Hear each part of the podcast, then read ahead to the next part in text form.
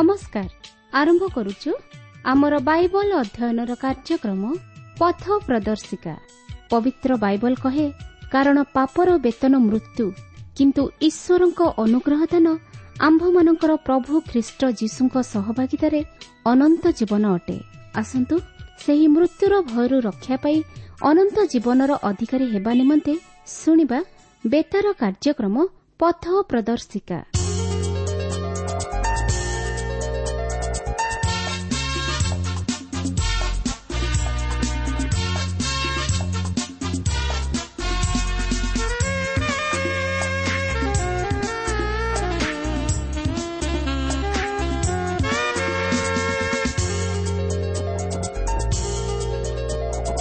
ଆସିବେ ଦିନେ ରାଜାଙ୍କ ରାଜା ପ୍ରସ୍ତୁତ ଆମେ ରହିବା ଏ ସାରା ଜଗତ ଯୀଶୁଙ୍କୁ ଦେଖିବ ପ୍ରସ୍ତୁତ ଆମେ ରହିବା ତୁମେ ପ୍ରସ୍ତୁତ ହୁଅ ପ୍ରସ୍ତୁତ କର ଆଗମନ ନିକଟ ଆସିବେ ଦିନେ ରାଜାଙ୍କ ରାଜା ପ୍ରସ୍ତୁତ ଆମେ ରହିବା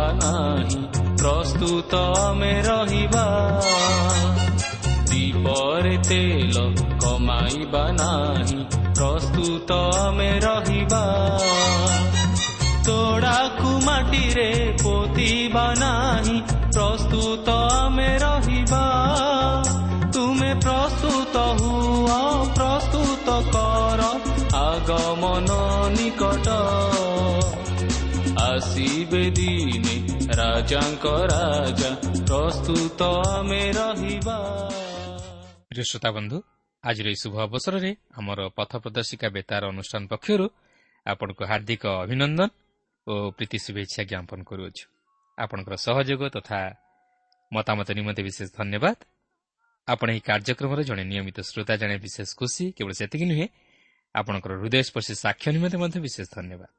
ପ୍ରଭୁ ଆପଣଙ୍କୁ ଆଶୀର୍ବାଦ କରନ୍ତୁ। ଆହୁରି ଆହୁରି ଆତ୍ମିକ ଜୀବନରେ ବର୍ଦ୍ଧିଷ୍ଣୁ କରାନ୍ତୁ। ଆସନ୍ତୁ ପ୍ରଭୁଙ୍କର ବାକ୍ୟ ମଧ୍ୟକୁ ଯିବା ପୂର୍ବରୁ ସଂକ୍ଷେପରେ ପ୍ରାର୍ଥନା କରିବା। ପବିତ୍ର ପ୍ରଭୁ ତୁମର ପବିତ୍ର ନାମର ଧନ୍ୟବାଦ କରୁଅଛୁ ତୁମର ଜୀବନ୍ତ ବାକ୍ୟ ପାଇଁ। ପ୍ରଭୁ ତୁମର ବାକ୍ୟ ମଧ୍ୟ ଦେଇ ତୁମେ ଆଜି ଆମମାନଙ୍କ ସହିତ କଥା କୁହ। ଆମମାନଙ୍କୁ ତୁମର ସନ୍ତାନ ସନ୍ତତି ହେବାର ଅଧିକାର ପ୍ରଦାନ କର। ପ୍ରଭୁ ତୁମର ଅନୁଗ୍ରହ ଦେଇ ଆଶୀର୍ବାଦ ଦେଇ ଆମମାନଙ୍କୁ କଢ଼ାଇ ନିଅ। ଏହି ସମସ୍ତ ପ୍ରାର୍ଥନା ପ୍ରିୟ ପ୍ରଭୁ ଯୀଶୁଙ୍କ ନାମରେ ମାଗୁଅଛୁ ଆମେନ୍।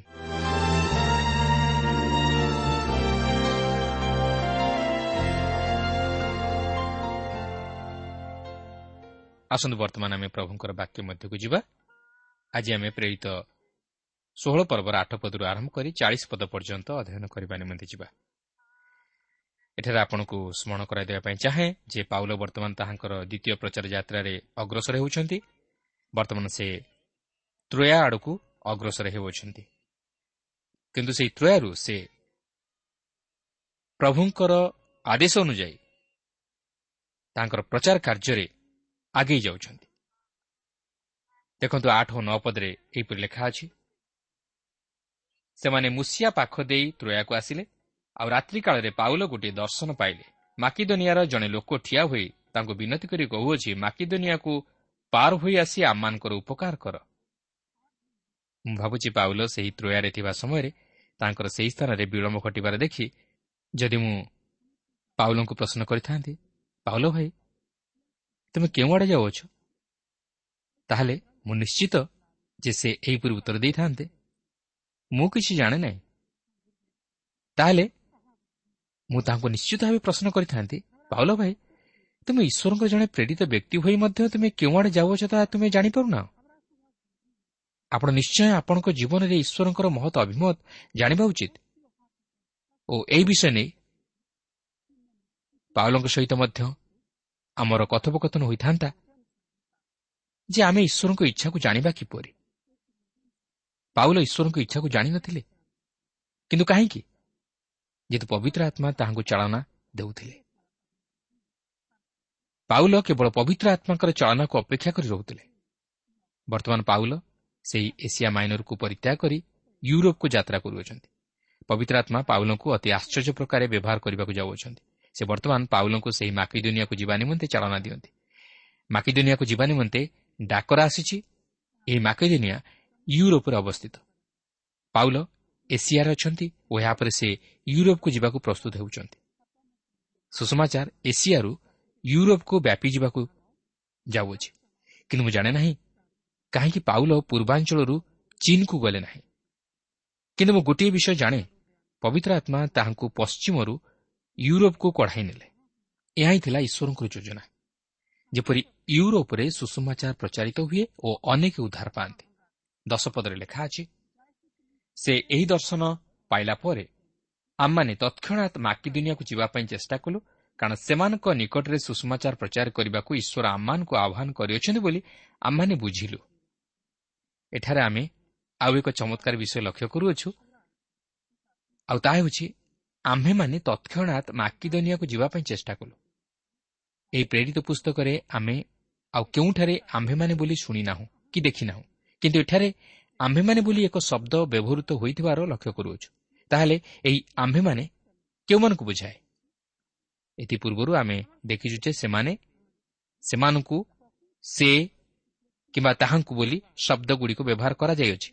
କିନ୍ତୁ ଏଠାରେ ଆମ୍ଭେମାନେ ବୋଲି ଯେଉଁ ଶବ୍ଦଟି ବ୍ୟବହାର କରାଯାଇଅଛି ଏଥିରୁ ଜଣାଯାଉଅଛି ଯେ ଏହି ବିଷୟ ଉଲ୍ଲେଖ କରିଅଛନ୍ତି ସେ ଏଠାରେ ନିଜକୁ ମଧ୍ୟ ସାମିଲ କରିଅଛନ୍ତି। ଆଉ ସେହି ବ୍ୟକ୍ତି ଜଣକ ହେଉଛନ୍ତି ଲୁକ। ଏଠାରେ ଲୋକ ମଧ୍ୟ ସେମାନଙ୍କ ସହ ଯୋଗ ଦେଇଛନ୍ତି। ଏଥିପୂର୍ବରୁ ଆମେ ଦେଖିଥିଲୁ ଯେ ପାଉଲଙ୍କ ସହ ଶିଲା ଓ ତିମୋତି ଯୋଗ ଦେଇଥିଲେ ମାତ୍ର ଏଠାରେ ଲୋକ ମଧ୍ୟ ଯୋଗ ଦେଇଛନ୍ତି। ବର୍ତ୍ତମାନ ସେମାନେ ଚାରିଜଣ। ହୋଇପାରେ ସେମାନଙ୍କ ସହିତ ଆହୁରି ଅନେକ ମଧ୍ୟ ଯୋଗ ଦେଇଥିବେ। ମାତ୍ର ଆମେ ଜାଣୁ ଯେ ଏହି ଚାରିଜଣ ୟୁରୋପ ଅଞ୍ଚଳକୁ ସୁଷମାଚାର ବହନ କରି ନେଇଥିଲେ। ପାଉଲ ଏହି ଦର୍ଶନ ପାଇବା ପରେ ସେ ଆଉ ବିଳମ୍ବ କରୁନାହାନ୍ତି। ମାତ୍ର ସେ ଓ ତାଙ୍କର ସଙ୍ଗୀଗଣ ସେହି ମାକିଦୋନିଆକୁ ଯାତ୍ରା କରୁଅଛନ୍ତି ଯେପରି ସେହି ୟୁରୋପ ଅଞ୍ଚଳରେ ସୁଷମାଚାର ପ୍ରଚାରିତ ହେବାକୁ ପାରେ। ଏଗାର ବାର ପଦରେ ଏହିପରି ଲେଖା ଅଛି ତେଣୁ ତ୍ରୟାରୁ ଜାହାଜରେ ଆମମାନେ ସଳକ ପଥରେ ସାମଥ୍ରାକିକୁ ଓ ପରଦିନ ନିଆପଲିକୁ ଗଲୁ ସେଠାରୁ ଫିଲିପକୁ ଗଲୁ। ଏହା ମାକିଦୋନିଆର ସେହି ଅଞ୍ଚଳର ଏକ ପ୍ରଧାନ ନଗର ପୁଣି ଗୋଟିଏ ରୋମିଓ ଉପନିବେଶ। ସେହି ନଗରରେ ଆମମାନେ କେତେକ ଦିନ ରହିଲୁ। ଏଠି ଆପଣ ଲକ୍ଷ୍ୟ କରନ୍ତୁ ଫିଲିପି ମାକିଦୋନିଆର ସେହି ଅଞ୍ଚଳରେ ଏକ ପ୍ରଧାନ ନଗର ଥିଲା ଯାହାର ଅର୍ଥ ଏହା ରୋମିଓ ନଗର ଥିଲା। ଏହା ସେହି ନଗର ଯେଉଁଠାରେ ରୋମିଓ ଶାସନକର୍ତ୍ତା ବାସ କରୁଥିଲେ। ଏହି ସ୍ଥାନର ଅଧିବାସୀମାନେ ରୋମିଓ ପଦ୍ଧତି ଅନୁଯାୟୀ ଜୀବନଯାପନ କରୁଥିଲେ ଓ ଲାଟିନ୍ ଭାଷାରେ କଥାବାର୍ତ୍ତା କରୁଥିଲେ। ଏହା ଏହି ପ୍ରକାର ନଗର ଥିଲା ଯେଉଁଠାରେ କି ଲୋକମାନେ ରୋମିଓମାନଙ୍କ ଭଳି ଜୀବନଯାପନ କରୁଥିଲେ। ତେବେ ଏହା ଥିଲା ୟୁରୋପର ଅଞ୍ଚଳରେ ପାଉଲ ଓ ତାହାଙ୍କ ସଙ୍ଗୀଗଣଙ୍କର ପ୍ରଥମ ରହଣୀ। ପାଉଲ ତାଙ୍କର ପ୍ରଚାର କାର୍ଯ୍ୟ ଆରମ୍ଭ କରିବା ନିମନ୍ତେ ଏହି ୟୁରୋପର ଏକ କେନ୍ଦ୍ରସ୍ଥଳକୁ ଗଲେ ଓ ତାହାଦ୍ୱାରା ସେ ଏକ ମଣ୍ଡଳୀ ମଧ୍ୟ ସେହି ଅଞ୍ଚଳରେ ସ୍ଥାପନ କଲେ। ତେବେ ପରେ ଆମେ ଦେଖିବାକୁ ଯିବା ଯେ ଅନ୍ୟ କେତେକ କାରଣ ହେତୁ ଏହି ମଣ୍ଡଳୀ ପାଉଲଙ୍କର ହୃଦୟ ପର୍ଯ୍ୟନ୍ତ ପହଞ୍ଚି ଯାଇଥିଲା ଯାହାକି ଆମେ ଫିଲିପିଓ ମଣ୍ଡଳୀ ନିକଟକୁ ପ୍ରେରିତ ପାଉଲଙ୍କ ପତ୍ର ଅଧ୍ୟୟନ କରିବା ସମୟରେ ଦେଖିବାକୁ ପାରିବା। ଏହି ମଣ୍ଡଳୀ ପ୍ରେରିତ ପାଉଲଙ୍କୁ ଅତି ପ୍ରେମ କରୁଥିଲେ ଓ ପାଉଲ ମଧ୍ୟ ଏହି ମଣ୍ଡଳୀକୁ ଅତି ପ୍ରେମ କରୁଥିଲେ। ଏହି ମଣ୍ଡଳୀରେ ଅତି ଚମତ୍କାର ସାଧୁମାନେ ଥିଲେ ଯାହାକି ଆମେ ପରେ ଦେଖିବାକୁ ପାରିବା। ତେବେ ମୋର କହିବାର କଥା ପ୍ରେରିତ ପାଉଲଙ୍କ ଦ୍ୱାରା ସୁଷମାଚାର ଏସିଆ ମାଇନର ମଧ୍ୟରେ କେବଳ ନୁହେଁ ମାତ୍ର ସମଗ୍ର ୟୁରୋପରେ ମଧ୍ୟ ପ୍ରଚାରିତ ହେବାକୁ ଲାଗିଲା। ଅନେକ ଲୋକ ସେହି ସୁଷମାଚାର ଶୁଣି ପ୍ରଭୁଙ୍କୁ ଗ୍ରହଣ କଲେ। ମଣ୍ଡଳୀ ବୃଦ୍ଧି ପାଇବାକୁ ଲାଗିଲା। କିନ୍ତୁ ଏହିସବୁ ପଛରେ ପ୍ରେରିତ ପାଉଲଙ୍କର ନିଃସ୍ୱାର୍ଥପର ସେବାର ଜୀବନ ତ୍ୟାଗ ସ୍ୱୀକାର ଓ ପ୍ରଚାର କାର୍ଯ୍ୟ ସହାୟକ ହୋଇପାରିଥିଲା ଓ ବିଶେଷରେ ପବିତ୍ର ଆତ୍ମାଙ୍କର ଚାଳନା ପାଉଲଙ୍କୁ ତାହାଙ୍କ ପ୍ରଚାର କାର୍ଯ୍ୟର ସଫଳତାର ଶୀର୍ଷ ସୀମାରେ ନେଇ ପହଞ୍ଚାଇ ଦେଇଥିଲା। ତେବେ ବର୍ତ୍ତମାନ ଲକ୍ଷ୍ୟ କରିବାର ବିଷୟ ହେଉଛି ସେହି ଫିଲିପିରେ ରହି ପାଉଲ କିପରି ପ୍ରଚାର କାର୍ଯ୍ୟ କଲେ ଷୋହଳ ପର୍ବର ତେର ପଦରେ ଲେଖା ଅଛି। ବିଶ୍ରାମ ବାରରେ ଆମମାନେ ନଗର ଦ୍ୱାରରୁ ବାହାରି ନଦୀ କୂଳକୁ ଗଲୁ ସେଠାରେ ପ୍ରାର୍ଥନାର ସ୍ଥାନ ଅଛି ବୋଲି ଆମମାନେ ମନେ କରିଥିଲୁ ଆଉ ଆମ୍ଭେମାନେ ବସି ସମବେତ ହୋଇଥିବା ମହିଳାମାନଙ୍କୁ କଥା କହିବାକୁ ଲାଗିଲୁ। ଆପଣ ଦେଖନ୍ତୁ ସେହି ନଗରର ବାହାରେ ଅର୍ଥାତ୍ ସେହି ନଦୀ କୂଳରେ ଏକ ପ୍ରାର୍ଥନାର ସ୍ଥାନ ଥିଲା ଯେଉଁ ସ୍ଥାନରେ କି ପ୍ରତି ବିଶ୍ରାମବାରରେ ମହିଳାମାନେ ସମବେତ ହୋଇ ପ୍ରାର୍ଥନା କରୁଥିଲେ। କିନ୍ତୁ ଏକ ଆଶ୍ଚର୍ଯ୍ୟର ବିଷୟ ହେଉଛି ଯେ ଏହି ପ୍ରାର୍ଥନାର ସ୍ଥାନରେ ପାଉଲଙ୍କର ୟୁରୋପକୁ ଯାତ୍ରା କରିବାର ଉଦ୍ଦେଶ୍ୟ ଓ ସେହି ମାକିଦନିଆର ଜଣେ ଲୋକ ସମ୍ପର୍କରେ ପାଇଥିବା ଦର୍ଶନର ଉଦ୍ଦେଶ୍ୟ ଫଳପ୍ରଦ ହେବାକୁ ଯାଉଅଛି।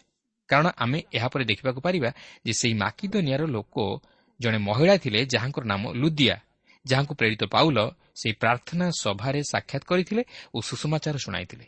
ସେହି ଲୁଦିଆ ପ୍ରାର୍ଥନା ସଭା ପରିଚାଳନା କରୁଥିଲେ। ଚଉଦ ପଦରେ ଲେଖା ଅଛି ପୁଣି ଥୁୟାଥିରା ନଗରର ବାଇଗଣିଆ ବସ୍ତ୍ର ବିକ୍ରୟକାରିଣୀ ଲୁଦିଆ ନାମ୍ନୀ ଜଣେ ମହିଳା ଯେ ଈଶ୍ୱର ଭକ୍ତା ଥିଲେ ସେ ଆମମାନଙ୍କର କଥା ଶୁଣୁଥିଲେ। ସେ ଯେପରି ପାଉଲଙ୍କର କଥିତ ବିଷୟ ପ୍ରତି ମନୋଯୋଗ କରନ୍ତି ଏଥି ନିମନ୍ତେ ପ୍ରଭୁ ତାଙ୍କର ହୃଦୟ ଫିଟାଇ ଦେଲେ ଥୁୟାଥିରା ଏସିଆ ମାଇନରରେ ଥିଲା ଯେଉଁଠାରେ କି ଏସିଆର ସାତୋଟି ମଣ୍ଡଳୀ ମଧ୍ୟରୁ ଗୋଟିଏ ମଣ୍ଡଳୀ ସ୍ଥାପିତ ହୋଇଥିଲା। ପ୍ରକାଶିତ ବାକ୍ୟର ଦୁଇ ପର୍ବରେ ଆମେ ଦେଖୁ ଯେ ଏହି ମଣ୍ଡଳୀ ପ୍ରଭୁ ଯୀଶୁଙ୍କଠାରୁ ଉପଦେଶ ମଧ୍ୟ ଗ୍ରହଣ କରିଥିଲା।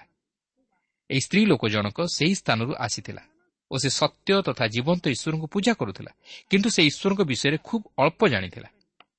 ଏହି ଲୁଦିଆ ଜଣେ ଅତି ପରିଚିତ ଓ ଚମତ୍କାର ମହିଳା ଥିଲା। ସେ ଜଣେ ଉତ୍ତମ ନେତ୍ରୀ ଥିଲା ଆଉ ବିଶେଷରେ ସେ ସେହି ପ୍ରାର୍ଥନା ସଭାର ନେତ୍ରୀ ଥିଲା। ସେ ମଧ୍ୟ ୟୁରୋପର ପ୍ରଥମ ବ୍ୟକ୍ତି ଯିଏକି ପ୍ରଭୁ ଯୀଶୁଙ୍କ ନିକଟକୁ ଫେରିଆସିଥିଲା ଓ ତାହାଙ୍କୁ ଗ୍ରହଣ କରିଥିଲା। ପନ୍ଦର ପଦରେ ଲେଖା ଅଛି ପୁଣି ସେ ଓ ତାହାଙ୍କର ପରିବାର ବାପ୍ତିଜିତ ହେଲା ଉତ୍ତାରେ ସେ ଆମମାନଙ୍କୁ ବିନତି କରି କହିଲେ ଆପଣମାନେ ଯଦି ମୋତେ ପ୍ରଭୁଙ୍କ ନିକଟରେ ବିଶ୍ୱସ୍ତ ବୋଲି ବିଚାର କରିଥାନ୍ତି ତେବେ ମୋର ଗୃହକୁ ଆସି ବାସ କରନ୍ତୁ ଆଉ ସେ ଆମମାନଙ୍କୁ ବଳାଇଲେ ଦେଖନ୍ତୁ ଲୁଦିଆ ଏ ପ୍ରକାର ଏକ ମହିଳା ଥିଲେ ଯିଏକି କେବଳ ପ୍ରାର୍ଥନା ସଭାର ନେତ୍ରୀ ନଥିଲେ ମାତ୍ର ସେ ମଧ୍ୟ ନିଜର ପରିବାର ମଧ୍ୟରେ ସମସ୍ତ ବିଷୟ ବୁଝାସୁଝା କରୁଥିଲେ ଓ ତାହାଙ୍କ କଥା ଅନୁଯାୟୀ ପରିବାର ଚଳୁଥିଲା। କାରଣ ଏପରି ପରିବାରଗୁଡ଼ିକ ଅଛି ଯାହାକି ମାତୃକୈନ୍ଦ୍ରିକ ପରିବାର। କିନ୍ତୁ ପ୍ରଭୁଙ୍କ ନାମରେ ଧନ୍ୟବାଦ ହେଉ ଯେ ସେ ଏ ପ୍ରକାର ଏକ ମହିଳା ଥିଲେ ଯାହାଙ୍କ ସାକ୍ଷ୍ୟ ଦ୍ୱାରା ତାଙ୍କର ସମସ୍ତ ପରିବାରବର୍ଗ ପ୍ରଭୁଙ୍କ ପ୍ରତି ଫେରିଥିଲେ। ଏବଂ ବର୍ତ୍ତମାନ ଆମେ ଦେଖୁ ଯେ ପାଉଲ ଏବଂ ତାଙ୍କର ଦଳ ମଧ୍ୟ ସେହି ଲୁଦିଆଙ୍କ ଗୃହରେ ରହୁଛନ୍ତି ଓ ସେ ମଧ୍ୟ ସେମାନଙ୍କର ଯତ୍ନ ନେଉଛନ୍ତି। ଷୋହଳ ପଦରେ ଲେଖା ଅଛି ଦିନେ ଆମମାନେ ପ୍ରାର୍ଥନା ସ୍ଥାନକୁ ଯାଉ ଯାଉ ଦୈବଜ୍ଞ ଆତ୍ମାବିଷ୍ଟ ଜଣେ ଦାସୀ ଆମମାନଙ୍କୁ ଭେଟିଲା। ତାର ଭାଗ୍ୟ ଗଣନା ଦ୍ୱାରା ତାର କର୍ତ୍ତାମାନଙ୍କର ବହୁତ ଲାଭ ହେଉଥିଲା। ଏଠାରେ ଆଉ ଏକ ଚମତ୍କାର ଘଟଣା ଲକ୍ଷ୍ୟ କରିବେ ଜଣେ ମହିଳା ଯିଏକି ଭୂତାତ୍ମା ଦ୍ୱାରା ଆବିଷ୍ଟା ହୋଇଥିଲା। ଓ ଜଣେ ଦାସୀ ଥିଲା ଏବଂ ତାହାର କର୍ତ୍ତାମାନେ ସେମାନଙ୍କର ଲାଭ ନିମନ୍ତେ ତାହାକୁ ଧରି ବ୍ୟବହାର କରୁଥିଲେ ଓ ତାହାଦ୍ୱାରା ଭାଗ୍ୟ ଗଣନା କରାଉଥିଲେ। କିନ୍ତୁ ଏହା ଥିଲା ଭୂତାତ୍ମାର କାର୍ଯ୍ୟ ବା ଆମେ କହିପାରିବା ଶୈତାନର କାର୍ଯ୍ୟ। ଶୈତାନର ମଧ୍ୟ ସ୍ଥିତି ଅଛି ଓ ସେ ମଧ୍ୟ ସବୁକିଛି ଜାଣେ। କିନ୍ତୁ ଦେଖନ୍ତୁ ଏହାପରେ କ'ଣ ଘଟୁଛି। ସତରରୁ ଉଣେଇଶ ପଦରେ ଲେଖା ଅଛି। ସେ ପାଉଲ ଆମମାନଙ୍କର ପଛେ ପଛେ ଆସି ଚିତ୍କାର କରି କହିବାକୁ ଲାଗିଲା ଏହି ବ୍ୟକ୍ତିମାନେ ପରାତ୍ପର ଈଶ୍ୱରଙ୍କର ଦାସ। ସେମାନେ ତୁମାନଙ୍କୁ ପରିତାଣର ପଥ ଜଣାଉଅଛନ୍ତି। ସେ ଅନେକ ଦିନ ପର୍ଯ୍ୟନ୍ତ ଏହା କଲା କିନ୍ତୁ ପାଉଲ ବିରକ୍ତ ହୋଇ ବୁଲି ପଡ଼ି ସେହି ଆତ୍ମାକୁ କହିଲେ ତାଠାରୁ ବାହାରି ଯିବାକୁ ମୁଁ ତୋତେ ଯୀଶୁ ଖ୍ରୀଷ୍ଟଙ୍କ ନାମରେ ଆଗୁଆ ଦେଉଅଛି। ଏଥିରେ ସେ ସେହି ମୁହୂର୍ତ୍ତରେ ବାହାରିଗଲା। କିନ୍ତୁ ତାର କର୍ତ୍ତାମାନେ ଆପଣମାନଙ୍କ ଲାଭର ଆଶା ଚାଲିଗଲା ବୋଲି ଦେଖି ପାଉଲ ଓ ଶିଲାଙ୍କୁ ଧରି ସେମାନଙ୍କୁ ଛକ ସ୍ଥାନକୁ ଶାସନକର୍ତ୍ତାମାନଙ୍କ ନିକଟକୁ ଟାଣି ଘେନିଗଲେ। ଦେଖନ୍ତୁ ପାଉଲ ପ୍ରଭୁ ଶ୍ରୀକୃଷ୍ଣଙ୍କ ନାମରେ ଭୂତାତ୍ମା ଛଡ଼ାଇବା ନିମନ୍ତେ ସମର୍ଥ ହୋଇପାରିଥିଲେ। କିନ୍ତୁ ଏହା କରିବା ଦ୍ୱାରା ସେହି ଦାସୀର କର୍ତ୍ତାମାନଙ୍କର କ୍ଷତି ଘଟିଲା। କାରଣ ସେମାନେ ସେହି ଦାସୀ ଦ୍ୱାରା ଅର୍ଥ ଉପାର୍ଜନ କରୁଥିଲେ। ତେଣୁକରି ସେମାନେ ପାଉଲ ଓ ତାହାଙ୍କ ଦଳ ବିରୁଦ୍ଧରେ ଗଲେ ଓ ସେମାନଙ୍କୁ ଧରି ଶାସନକର୍ତ୍ତାମାନଙ୍କ ନିକଟକୁ ଟାଣି ଘେନିଗଲେ କୋଡ଼ିଏରୁ ଏକୋଇଶ ପଦ ଲେଖା ଅଛି ଆଉ ସେମାନେ ସେମାନଙ୍କୁ ବିଚାରକର୍ତ୍ତାମାନଙ୍କ ନିକଟକୁ ଆଣି କହିଲେ ଏହି ଲୋକଗୁଡ଼ାକ ଜିହୁଦୀ ଏମାନେ ଆମମାନଙ୍କ ନଗରରେ ଗୋଳମାଳ କରୁଅଛନ୍ତି। ଆମ୍ଭ ରୋମିଓ ଲୋକମାନଙ୍କର ଯେଉଁସବୁ ରୀତିନୀତି ଗ୍ରହଣ ବା ପାଳନ କରିବା ବିଧିସଙ୍ଗତ ନୁହେଁ ତାହା ଏମାନେ ପ୍ରଚାର କରୁଅଛନ୍ତି। ଆପଣ ଜାଣିଥିବେ ଯେ ଫିଲିପି ଏକ ରୋମିଓ ନଗର ଥିଲା ଏବଂ ରୋମିଓ ପ୍ରତିମା ପୂଜା ସେହି ନଗରରେ ଚାଲୁ ରହିଥିଲା। କିନ୍ତୁ ପାଉଲ ଓ ତାହାଙ୍କର ଦଳ ସେହି ନଗରରେ ପରିବର୍ତ୍ତନ ଆଣିବାକୁ ଚାହିଁଥିଲେ ଓ ପ୍ରଭୁଙ୍କର ସୁଷମାଚାର ପ୍ରଚାର କରିଥିଲେ। କିନ୍ତୁ ସେମାନେ ପ୍ରକୃତରେ ପାଉଲ ଓ ତାହାଙ୍କର ସଙ୍ଗୀମାନଙ୍କର ପ୍ରଚାର ଲାଗି ଯେ ଏହିପରି ସେମାନଙ୍କ ପ୍ରତି ବିରକ୍ତ ହେଲେ ଓ ସେମାନଙ୍କ ବିରୁଦ୍ଧରେ ଉଠିଲେ ତାହା ନୁହେଁ। ମାତ୍ର ସେମାନଙ୍କର ଅର୍ଥ ଲାଭରେ କ୍ଷତି ଘଟିବାର ଦେଖି ସେମାନେ ପାଉଲ ଓ ତାହାଙ୍କର ସଙ୍ଗୀମାନଙ୍କର ବିରୁଦ୍ଧରେ ଉଠିଲେ। ଏହାପରେ ବାଇଶରୁ ଚବିଶ ପଦରେ ଆମେ ଦେଖୁ ଯେ ପାଉଲ ଓ ତାହାଙ୍କ ସଙ୍ଗୀମାନେ ମାଡ଼ ଖାଇଲେ। କେବଳ ସେତିକି ନୁହେଁ ସେମାନେ ତାହାଙ୍କୁ ମାରିବା ସଙ୍ଗେ ସଙ୍ଗେ ସେମାନଙ୍କ ପାଦରେ ହରିକାଠ ଲଗାଇ ସେମାନଙ୍କୁ କାରାଗାର ମଧ୍ୟରେ ରଖିଦେଲେ। ପ୍ରଚାର କାର୍ଯ୍ୟ ନିମନ୍ତେ ସେମାନେ କେତେ ସମସ୍ୟା ମଧ୍ୟ ଦେଇ ଗତି କରୁଅଛନ୍ତି। ମାତ୍ର ଏହି ସମସ୍ତ ଘଟଣା ମଧ୍ୟ ଦେଇ ପ୍ରଭୁ ତାହାଙ୍କର ଅଭିମତ ସଫଳ କରିବା ପାଇଁ ଯାଉଅଛନ୍ତି। ପଚିଶ ପଦରେ ଲେଖା ଅଛି। କିନ୍ତୁ ପ୍ରାୟ ମଧ୍ୟରାତ୍ରରେ ପାଉଲ ଓ ଶିଲା ଈଶ୍ୱରଙ୍କ ନିକଟରେ ପ୍ରାର୍ଥନା ଓ ସ୍ତବଗାନ କରୁଥିଲେ ଆଉ ବନ୍ଦୀମାନେ ଶୁଣୁଥିଲେ। ଦେଖନ୍ତୁ ଏକ ଚମତ୍କାର ବିଷୟ ଯେ ସେମାନେ ଏହିପରି ଏକ ଦୟନୀୟ ପରିସ୍ଥିତିରେ ସେମାନେ ଈଶ୍ୱରଙ୍କର ସ୍ତୁତି ଓ ପ୍ରଶଂସା କରୁଅଛନ୍ତି।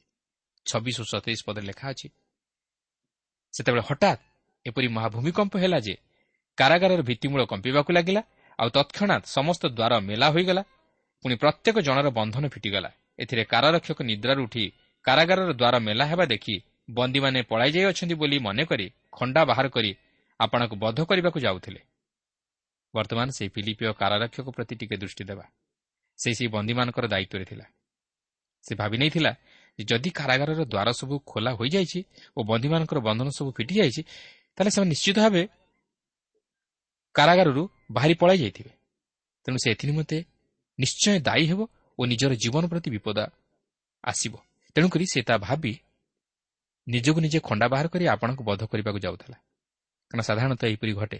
ଯେତେବେଳେ ଜଣେ ଏହିପରି ପରିସ୍ଥିତିର ସମ୍ମୁଖୀନ ହୁଏ ସେତେବେଳେ ସେ ଭୟ ପାଇଯାଏ ଓ ସେ ସେହି ସ୍ୱର୍ଗୀୟ ବିଷୟ କଥା ଚିନ୍ତା କରେ ଯାହାକି ଆମେ ଏହି କାରାରକ୍ଷକର ପାଉଲଙ୍କ ପ୍ରତି କରୁଥିବା ପ୍ରଶ୍ନରୁ ଜାଣିବାକୁ ପାରୁ। ଅଠେଇଶରୁ ଏକତିରିଶ ପଦରେ ଲେଖା ଅଛି। କିନ୍ତୁ ପାଉଲ ଉଚ୍ଚସ୍ୱରରେ ଡାକି କହିଲେ ଆପଣଙ୍କର କୌଣସି କ୍ଷତି କର ନାହିଁ। କାରଣ ଆମମାନେ ସମସ୍ତେ ଏଠାରେ ଅଛୁ।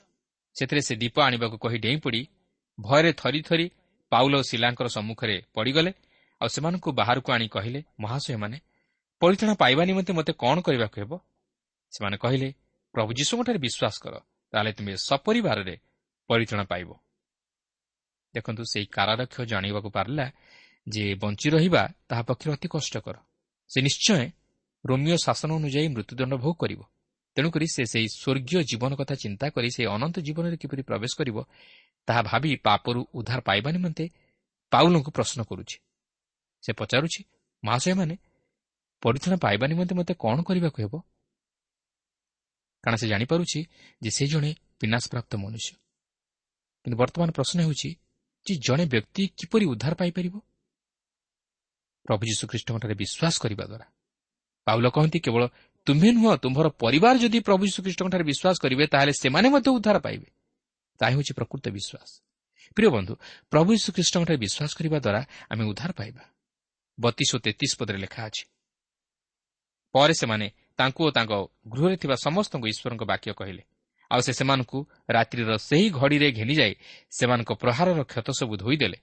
ପୁଣି ସେ ଓ ତାଙ୍କର ସମସ୍ତେ ସେହି କ୍ଷଣି ବାପ୍ତିଜିତ ହେଲେ। ଦେଖନ୍ତୁ କି ଅଦ୍ଭୁତ ପରିବର୍ତ୍ତନ। ଯେଉଁ ବ୍ୟକ୍ତି ପାଉଲ ଓ ତାହାଙ୍କ ସଙ୍ଗୀମାନଙ୍କୁ ପ୍ରହାର କରି କ୍ଷତାକ୍ତ କରିଥିଲା ସେ ପୁଣି ସେମାନଙ୍କ କ୍ଷତ ସବୁ ଧୋଇ ପରିଷ୍କାର କରିଦେଲା ଓ ବ୍ୟାପ୍ତିଜିତ ହେଲା। ସେ ନିଜର ଭୁଲ ବୁଝିପାରିଲା ଓ ଖ୍ରୀଷ୍ଟଙ୍କଠାରେ ବିଶ୍ୱାସ କରିବାରୁ ଉଦ୍ଧାର ପାଇଲା। ଚଉତିରିଶ ପଦରେ ଲେଖା ଅଛି ସେଥିରେ ସେ ସେମାନଙ୍କୁ ଆପଣା ଗୃହକୁ ଘିନିଯାଇ ଖାଦ୍ୟ ପରିବେଷଣ କଲେ ଆଉ ସମସ୍ତ ପରିବାର ସହିତ ଈଶ୍ୱରଙ୍କଠାରେ ବିଶ୍ୱାସ କରି ଅତ୍ୟନ୍ତ ଆନନ୍ଦିତ ହେଲେ। ଦେଖନ୍ତୁ ସେମାନେ ସମସ୍ତେ ଏକ ରାତ୍ରିରେ ସେହି କାରାଗାରରେ ରହି ଯନ୍ତ୍ରଣା ଭୋଗ କରୁଥିଲେ। କିନ୍ତୁ ବର୍ତ୍ତମାନ ସେମାନେ କାରାରକ୍ଷକଙ୍କ ଗୃହରେ ଆନନ୍ଦର ସହିତ ଭୋଜନ କରୁଅଛନ୍ତି। ବାସ୍ତବରେ ଅନେକ ସମୟରେ ଆମେ ଧୈର୍ଯ୍ୟରା ହୋଇଯାଉ। ଆମେ ଈଶ୍ୱରଙ୍କଠାରେ ନିର୍ଭର ରଖିପାରୁନା। ଆମ ଜୀବନରେ କୌଣସି ପ୍ରକାର ସମସ୍ୟା ଦେଖାଦେଲେ ଆମେ ବିବ୍ରତ ହୋଇଯାଉ ଓ ଈଶ୍ୱର ନିନ୍ଦା କରିଥାଉ ଈଶ୍ୱରଙ୍କର ବଚସା କରିଥାଉ। କିନ୍ତୁ ପାଉଲ ଓ ତାଙ୍କର ସହକର୍ମୀ ସୁଷମାଚାର ସକାଶେ ତାଡ଼ନା ଭୋଗ କରି ପ୍ରହାରିତ ହୋଇ କାରାଗାରରେ ନିକ୍ଷିପ୍ତ ହେଲେ ମଧ୍ୟ ସେମାନେ ଭାଙ୍ଗି ପଡ଼ିନଥିଲେ କି ଈଶ୍ୱରଙ୍କର ବଚସା କରିନଥିଲେ ମାତ୍ର ସେମାନେ ସେହିପରି ଦୟନୀୟ ଅବସ୍ଥାରେ ଥାଇ ମଧ୍ୟ ଈଶ୍ୱରଙ୍କର ସ୍ତୁତି ପ୍ରଶଂସା କରୁଥିଲେ ଓ ତାହାଙ୍କଠାରେ ପ୍ରାର୍ଥନା କରୁଥିଲେ। ଯଦ୍ୱାରା ସେମାନେ ଈଶ୍ୱରଙ୍କର ସେହି ପରାକ୍ରାନ୍ତ ବାହୁର ଆଶ୍ଚର୍ଯ୍ୟ କର୍ମକୁ ଦେଖିବା ନିମନ୍ତେ ସମର୍ଥ ହୋଇପାରିଥିଲେ।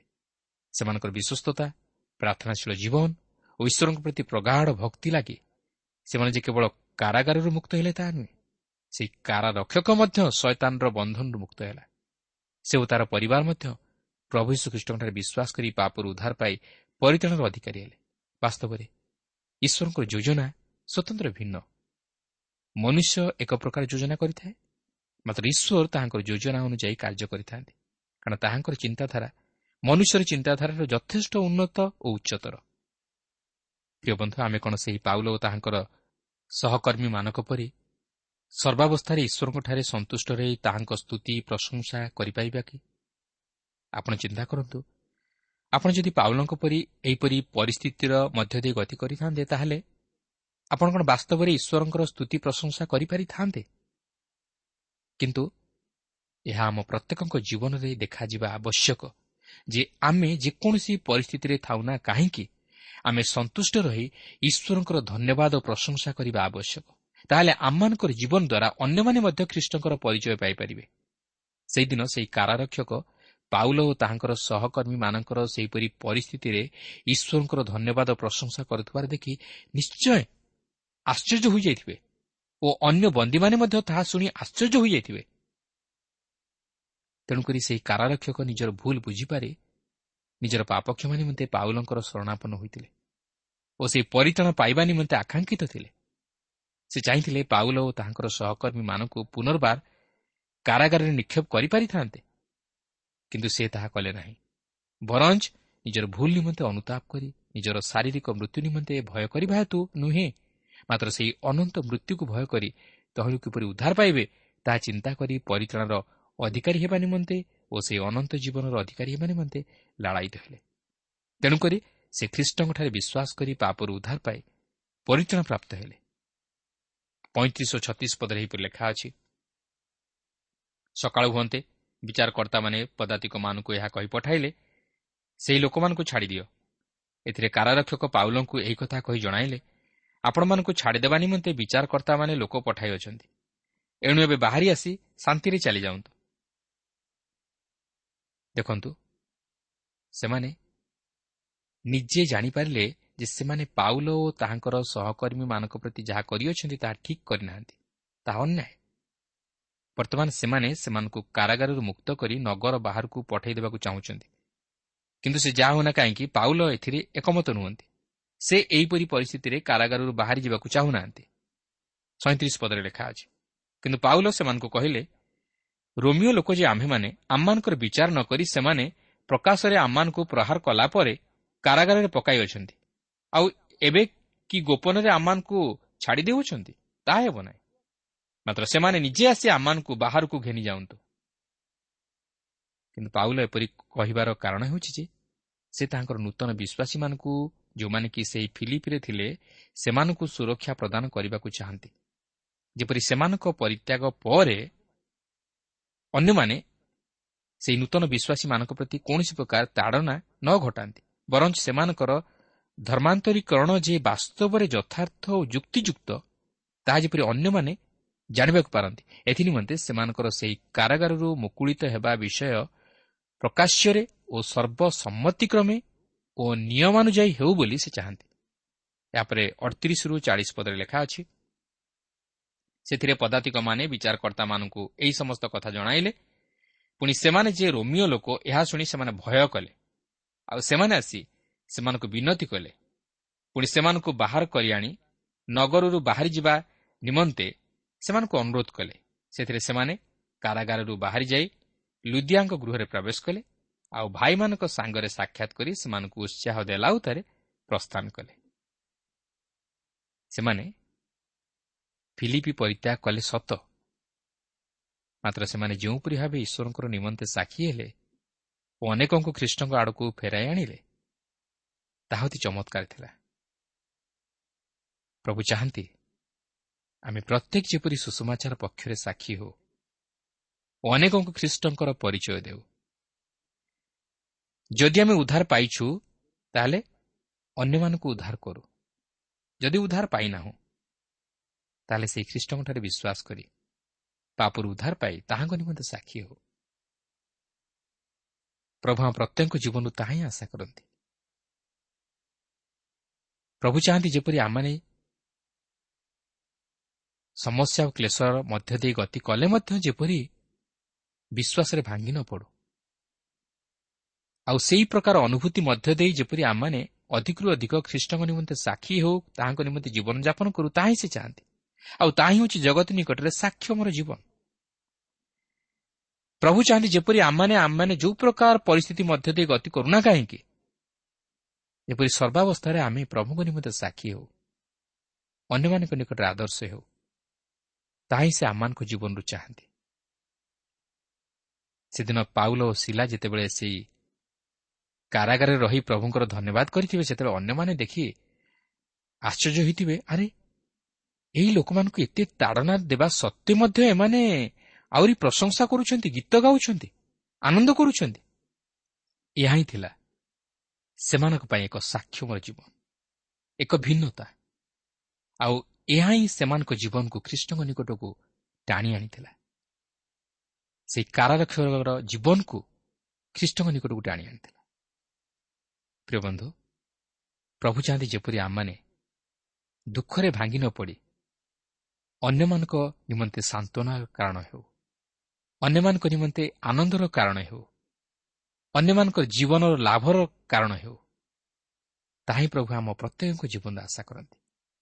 ତାହେଲେ ଶେଷ ଦିନରେ ସେ ଆମମାନଙ୍କୁ ତାହାଙ୍କର ସେହି ଗୌରବର ମୁକୁଟ ପ୍ରଦାନ କରିବେ। ପ୍ରଭୁ ପ୍ରତ୍ୟେକଙ୍କୁ ଏହି ସଂକ୍ଷିପ୍ତ ଆଲୋଚନା ମଧ୍ୟ ଦେଇ ଆଶୀର୍ବାଦ କରନ୍ତୁ। ଆସିବେ ଦିନେ ରାଜାଙ୍କ ରାଜା ପ୍ରସ୍ତୁତ ଆମେ ରହିବା।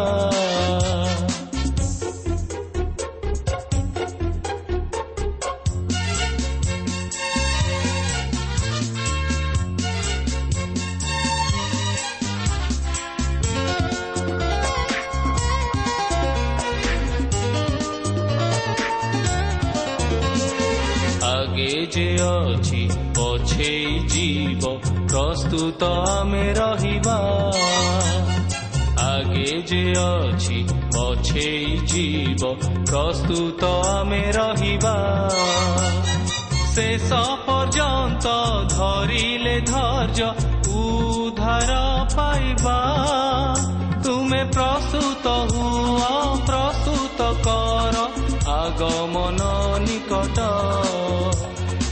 ଆସିବେ ଦିନେ ରାଜାଙ୍କ ରାଜା ପ୍ରସ୍ତୁତ ଆମେ ରହିବା।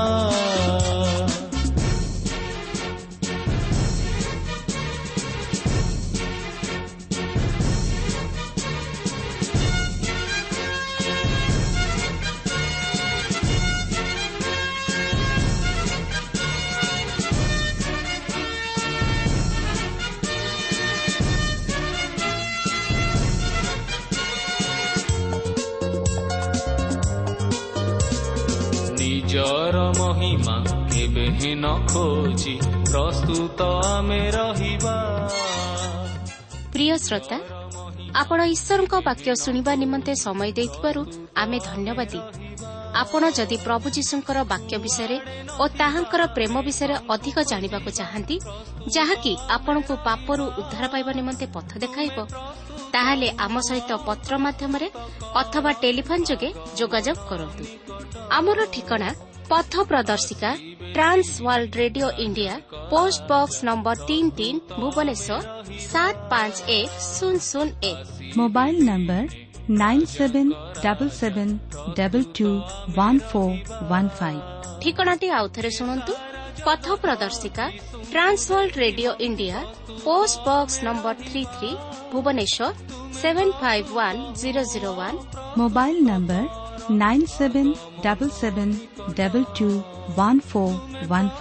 আমার ইমেল আড্রেস টি লিখে রাখুন Odia TV at radio eight eight two dot com তেবে আজি পাই এঠারে রখুছু প্রভু যীশু আপনার আশীর্বাদ করন্তু নমস্কার